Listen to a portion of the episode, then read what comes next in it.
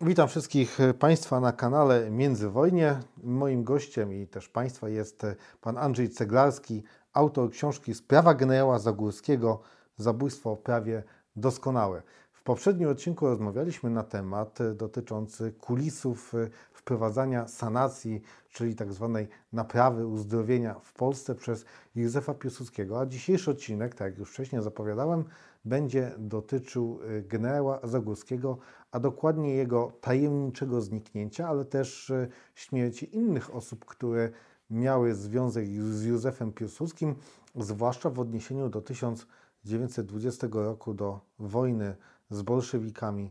I jeżeli chodzi zwłaszcza o Bitwę Warszawską, gdzie no, temat udziału Józefa Piłsudskiego jest y, dość kontrowersyjny, ale o tym będę rozmawiał z panem Andrzejem Ceglarskim, który w pewien sposób myślę, że rozwieje różne mity, legendy, a może jeszcze zwiększy i przedstawi różne mity, które, o których wcześniej nie wiedzieliśmy.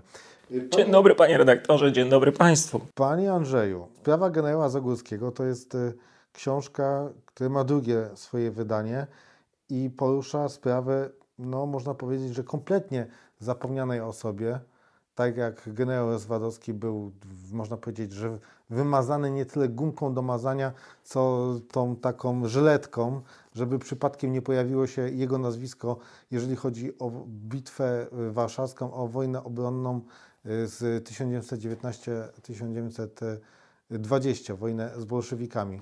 Mm, on mocno podpadł Józefowi Piłsudskiemu, zwłaszcza po 22 roku. Tak, panie redaktorze, ale przede wszystkim y, generał Zagórski to postać tyleż zapomniana, co fascynująca. Postać naprawdę fascynująca i szkoda, że jeżeli w ogóle dzisiaj pamiętana, to pamiętana właśnie głównie w kontekście swojej no, tajemniczej śmierci, tak? Natomiast to generalnie jest postać bardzo ciekawa, fascynująca.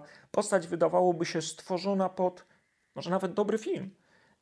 Dobrze też, że przypomniał Pan w tym kontekście postać generała Rozwadowskiego bo to jest z kolei postać, która przez wiele lat była zapomniana, była, jak Pan wspomniał, wymazywana tą symboliczną gumką z polskiej historiografii, a jednak osobom, które starały się tą postać przywrócić polskiej historii, historiografii, częściowo to się udało. Przyznajmy, że dzisiaj w jakimś sensie postać generała Rozwadowskiego przywrócono w naszej pamięci historycznej. Oczywiście nie jest jej jeszcze oddane należyte miejsce, to też prawda, ale jednak to pokazuje, że ta praca u podstaw tak, nie jest pozbawiona sensu, że jest możliwość, jeżeli rzeczywiście wykonuje się to pracę dobrze, z zapałem, jeżeli naprawdę dokładamy do tego nasze wszelkie starania i troszeczkę też serca, to jest szansa na to, że uda się tą historyczną pamięć troszeczkę odświeżyć, troszeczkę poprawić i jeśli nawet niepełen sukces, to nawet taki częściowy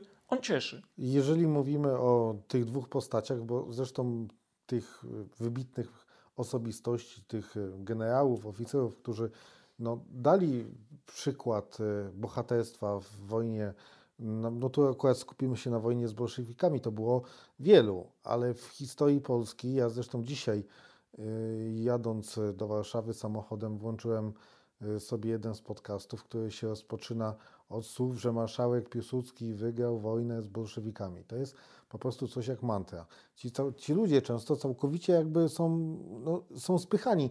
I to na przykład mi się wydaje też, że nie tyle jest to problem złej woli różnych historyków, publicystów historycznych, tutaj historyków, to chodzi mi o na przykład nauczycieli historii, no bo takie są podręczniki, tak, taki jest e, program, te osoby po prostu przekazują coś, co jest powszechnie wiadome.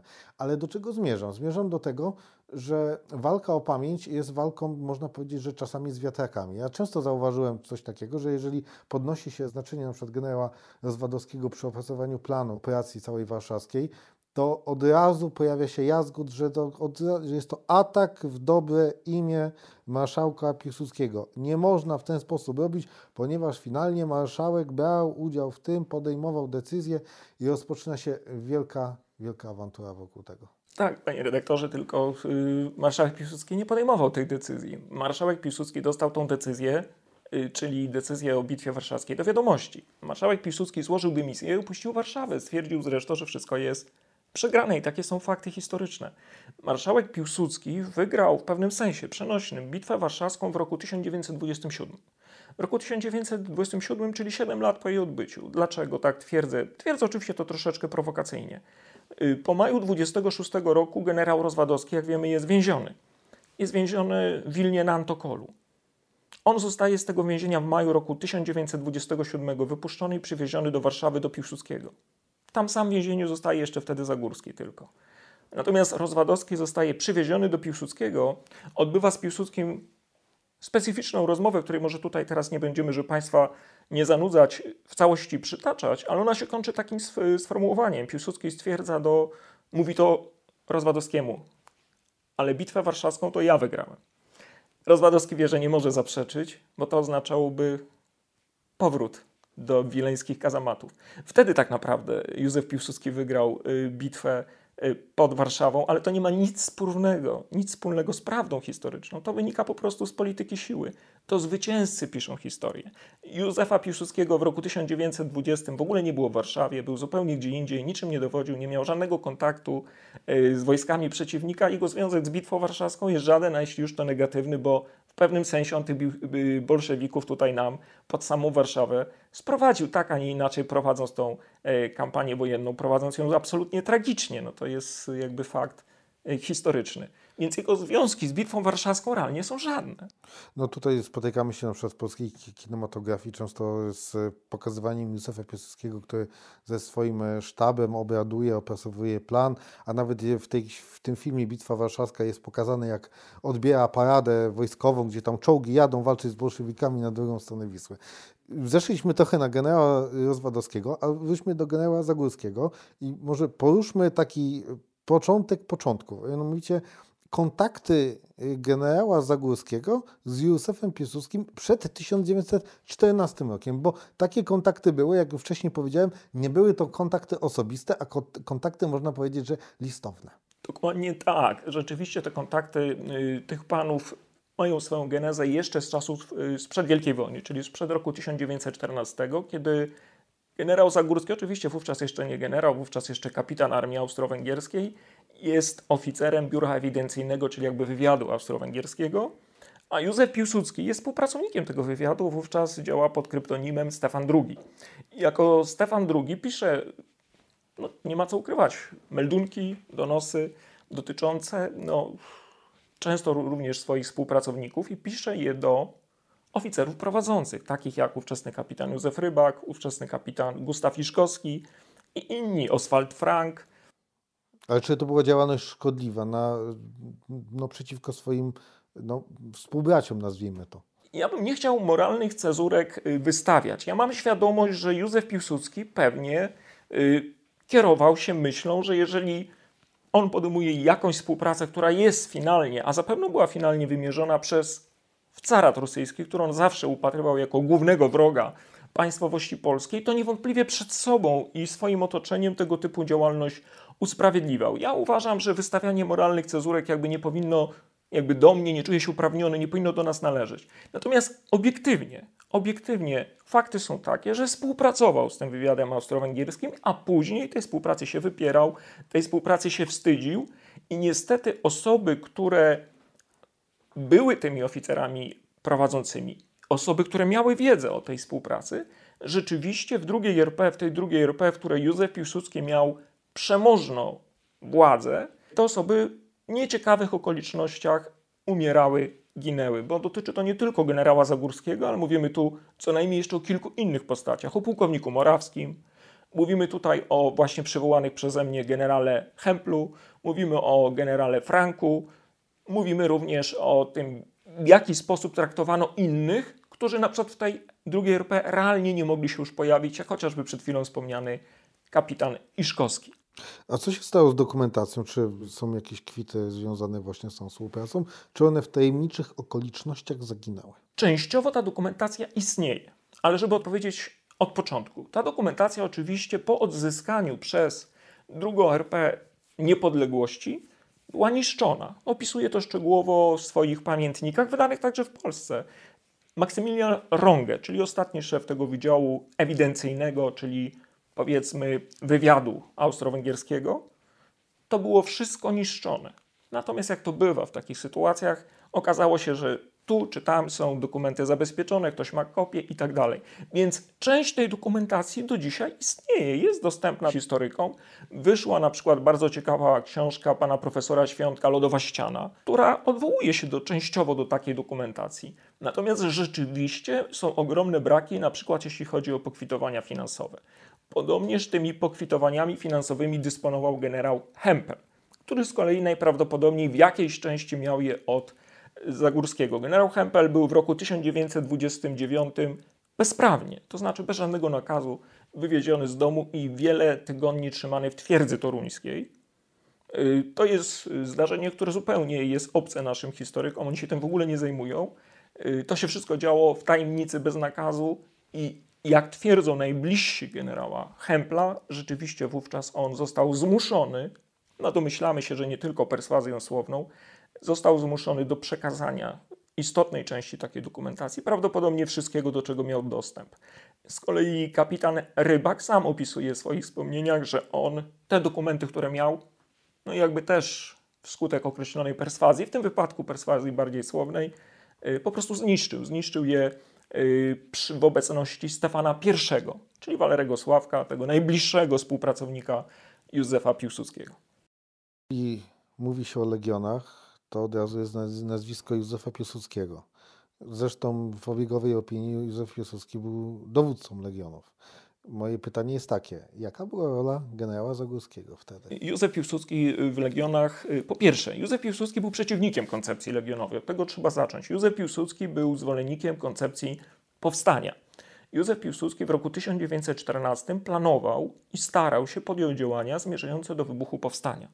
Te działania się nie powiodły. Wówczas dopiero powstała tak zwana idea legionowa i inicjatorem, inicjatorów było dwóch, a nawet trzech tej idei legionowej, ale tym głównym, którego nazwisko w tym kontekście trzeba przywołać, był pułkownik Sikorski. To jest twórca koncepcji legionów. Natomiast Józef Piłsudski został w tą koncepcję wpasowany i przez pewien czas rzeczywiście w ramach legionów funkcjonował.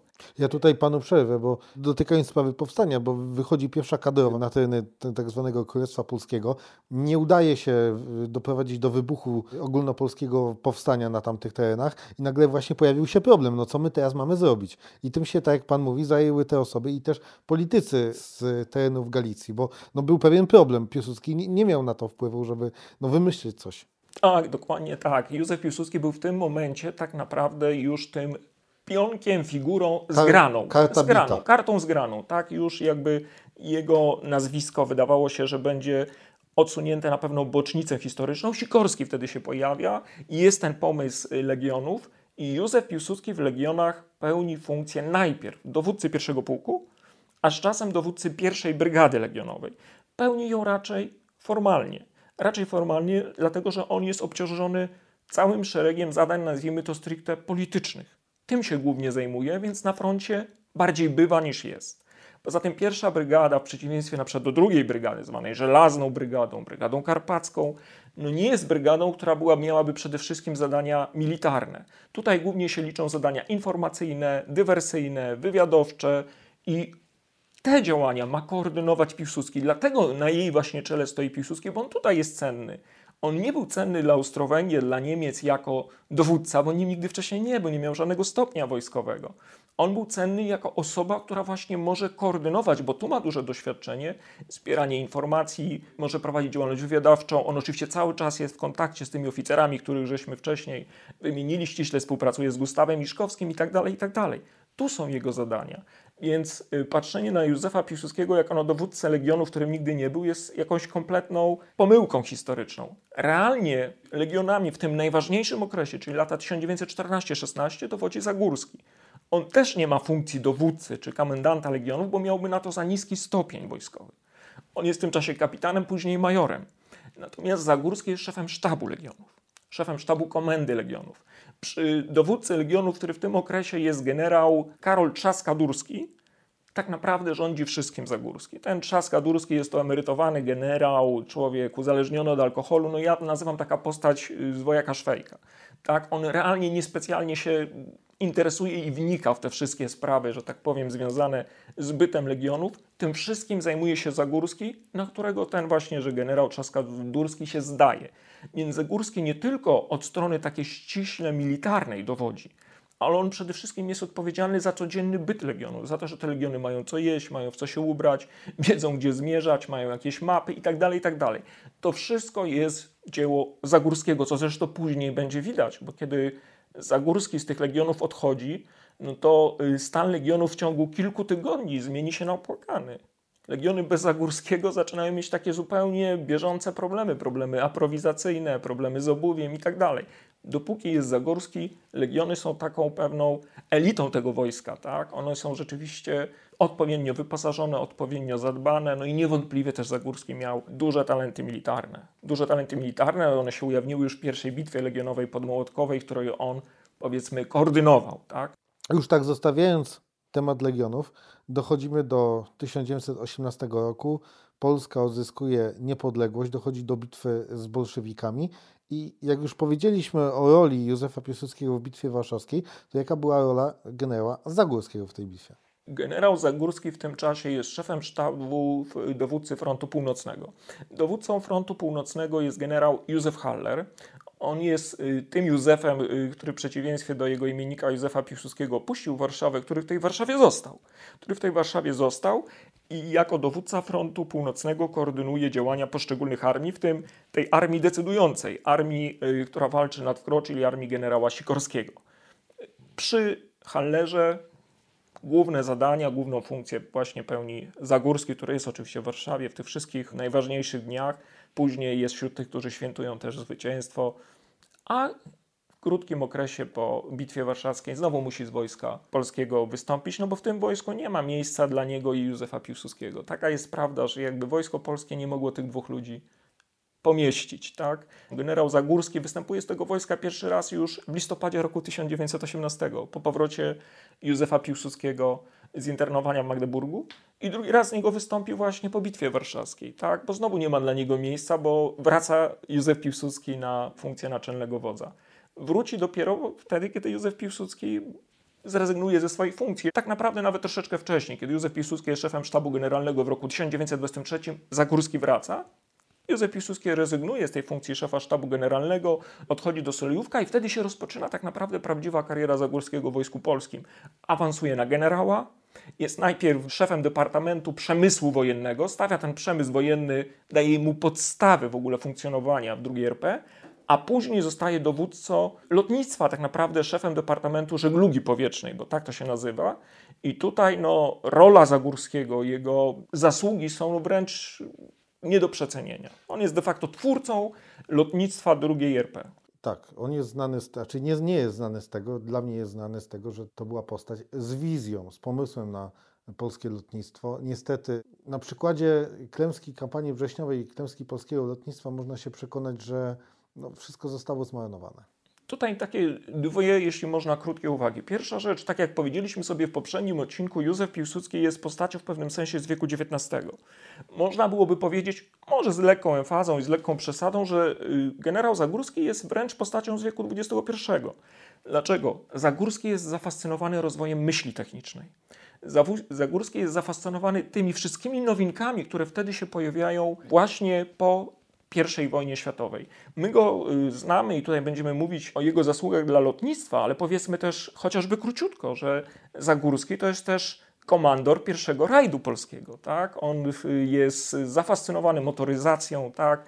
Sam bierze też w tym rajdzie udział. Z tego co pamiętam, zajął bodajże trzecie, a więc premiowane miejsce. On jest rzeczywiście zafascynowany rozwojem techniki, on tym żyje. To jest człowiek, no można powiedzieć, pewien wizjoner, który wyprzedza swoją epokę, jeśli o te rzeczy chodzi. Jeśli chodzi o lotnictwo, jest natomiast razem z generałem Sikorskim, który jest wtedy, znowu ta postać, tak? Sikorski jest wtedy ministrem spraw wojskowych, a Zagórski jest szefem departamentu. Oni wspólnie wypracowują koncepcję rozwoju lotnictwa polskiego. Wydaje się, że koncepcję właściwą. Wychodzą z założenia, że państwo polskie jest zbyt biedne, żeby było w stanie w sposób równomierny rozwijać wszystkie główne rodzaje sił zbrojnych, czyli piechotę, artylerię, kawalerię, że to jest niemożliwe, że państwo polskie budżet tego nie udźwignie. Dlatego uznają, że należy skupić się na rozwoju tych części tego systemu zbrojeń, sił zbrojnych, które ich zdaniem będą decydujące. Oni uznają, ja twierdzę, że trafnie, że główna rola przypadnie lotnictwu i broni pancernej.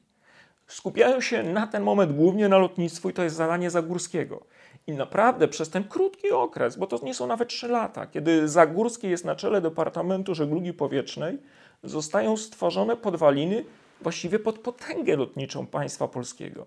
Naprawdę to jest czas ogromnego rozwoju lotnictwa z każdego punktu widzenia, począwszy od wręcz prasę techniczną, prasę lotniczą, podbudowę hangarów, po rozwój myśli technologicznej. Wszystko, wszystko to się dzieje, jest ukierunkowane na lotnictwo. Można powiedzieć, że państwo polskie zostaje w pewien sposób fiksowane na rozwój lotnictwa.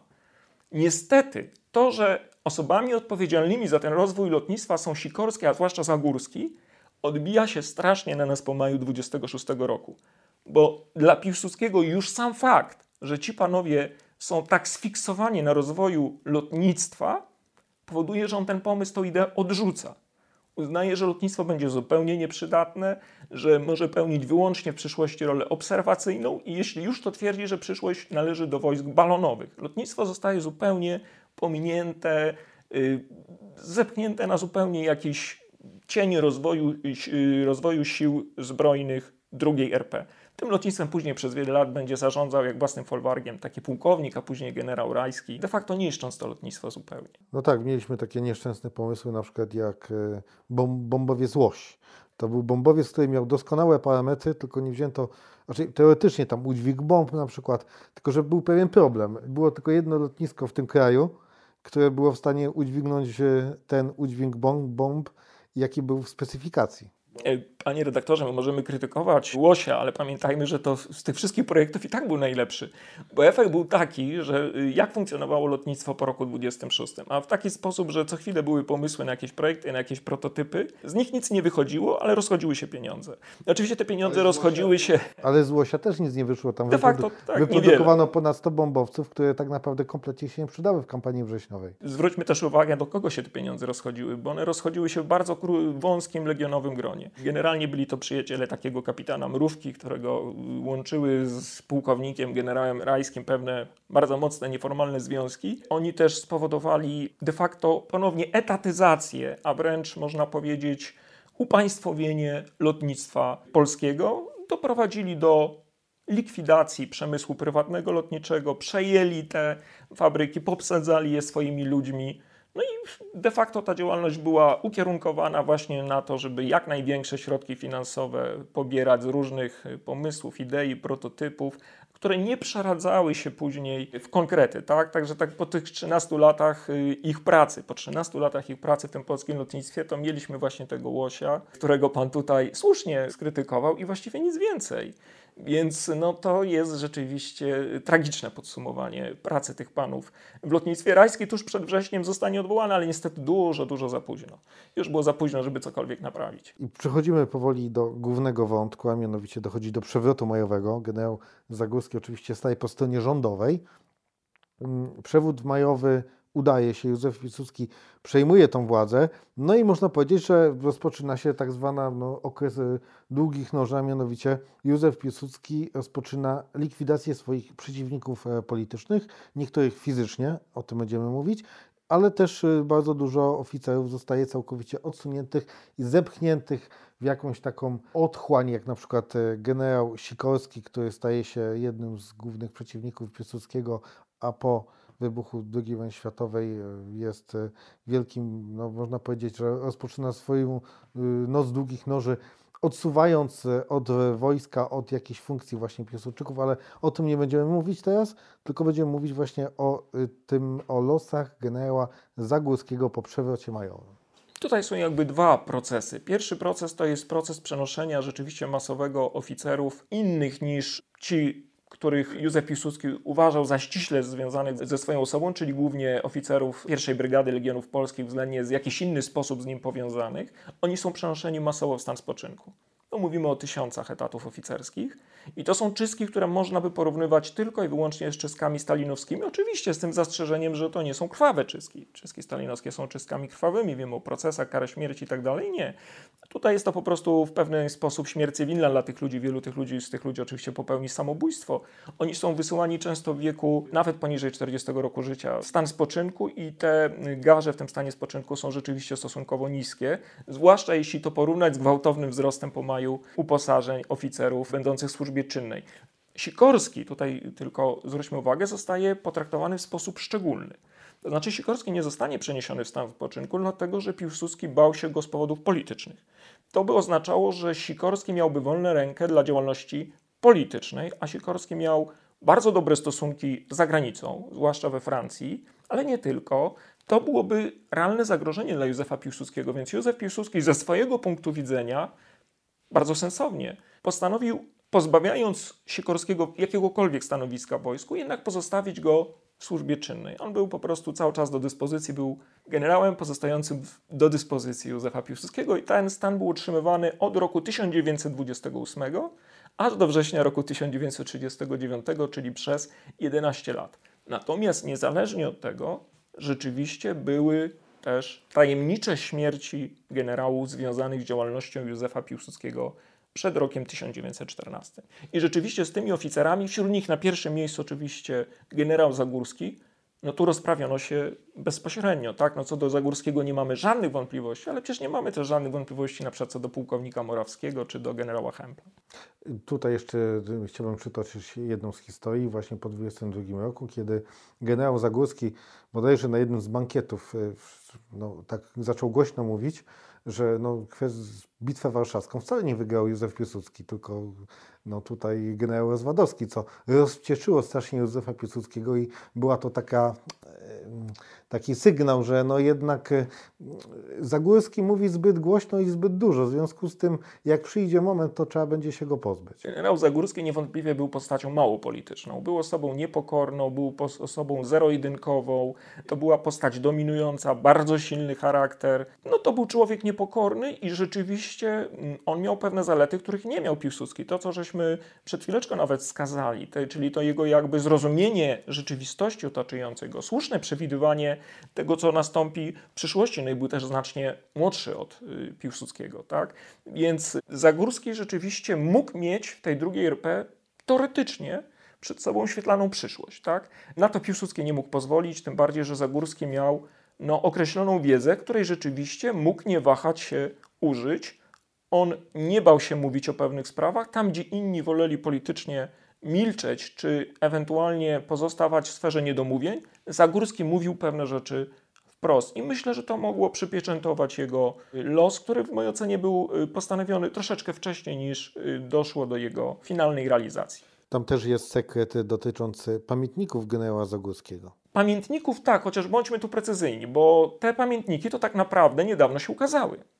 Te pamiętniki niedawno się ukazały drukiem i one wcale nie zawierają jakichś rzeczy zupełnie sensacyjnych. One zawierają pewną wizję historii pisaną ręką y, Zagórskiego, ale pisaną jego ręką w warunkach więziennych, czyli tak, kiedy on musiał się liczyć z tym, że to może podlegać pewnej cenzurze, pewnej kontroli i on raczej jest, jak na niego, zwłaszcza jak na Zagórskiego, jest w tych pamiętnikach dosyć delikatny. On natomiast pisał tam pewne, nazwijmy to, uwagi, pewne marginesy, pewne didiaskalia w takiej broszurze o Józefie Piłsudskim.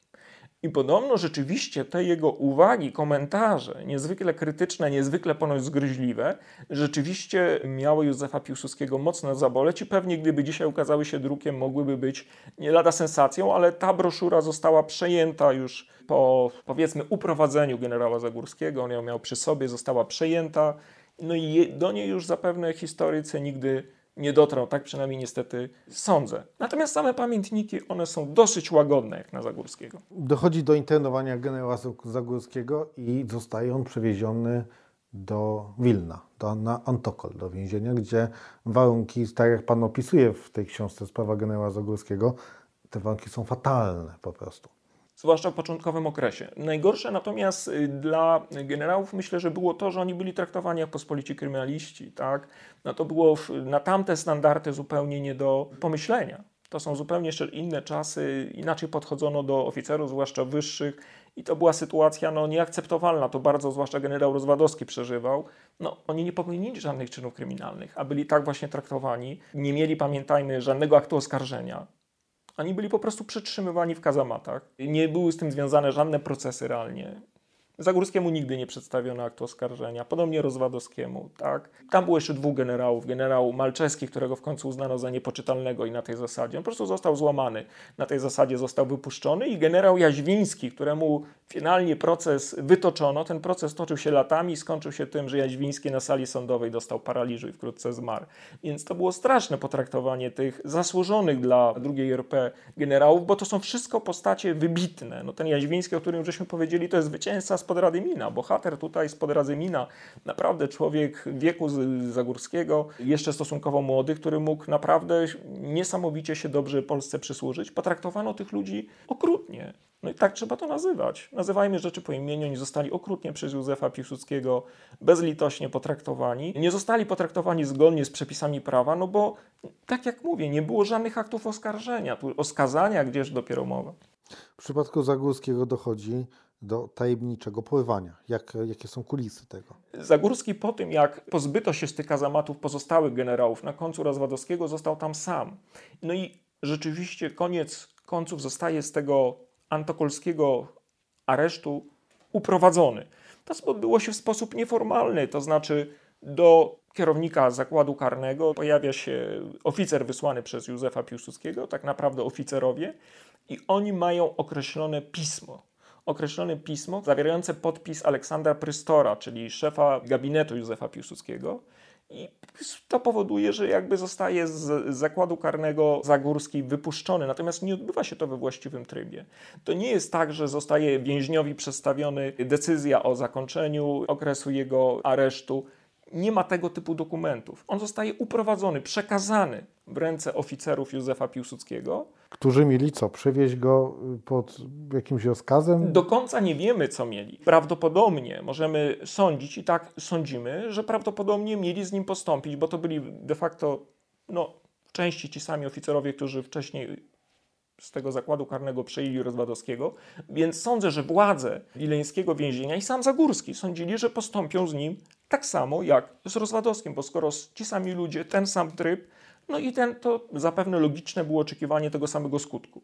Więc spodziewano się, że Zagórski zostaje przewieziony do Piłsudskiego, podobnie jak Rozwadowski odbędzie z nim jakąś rozmowę, no i w wyniku tej rozmowy będą dalsze decyzje co do jego osoby. Jeśli przebieg rozmowy będzie właściwy, to zostanie zapewne po podpisaniu stosownych dokumentów wypuszczony na wolność. Tak się nie dzieje. Tak się nie dzieje. W momencie, kiedy Zagórski w ogóle jest przywieziony do Warszawy, to już Piłsudskiego w niej nie ma. Piłsudski jedzie wtedy na zjazd legionistów do Kalisza, opuszcza specjalnie Warszawę wcześniej, po to, żeby właśnie nie było go już w tym czasie w Warszawie. Nie ma też w Warszawie właściwie żadnej elity legionowej. Wszyscy uciekają na ten zjazd.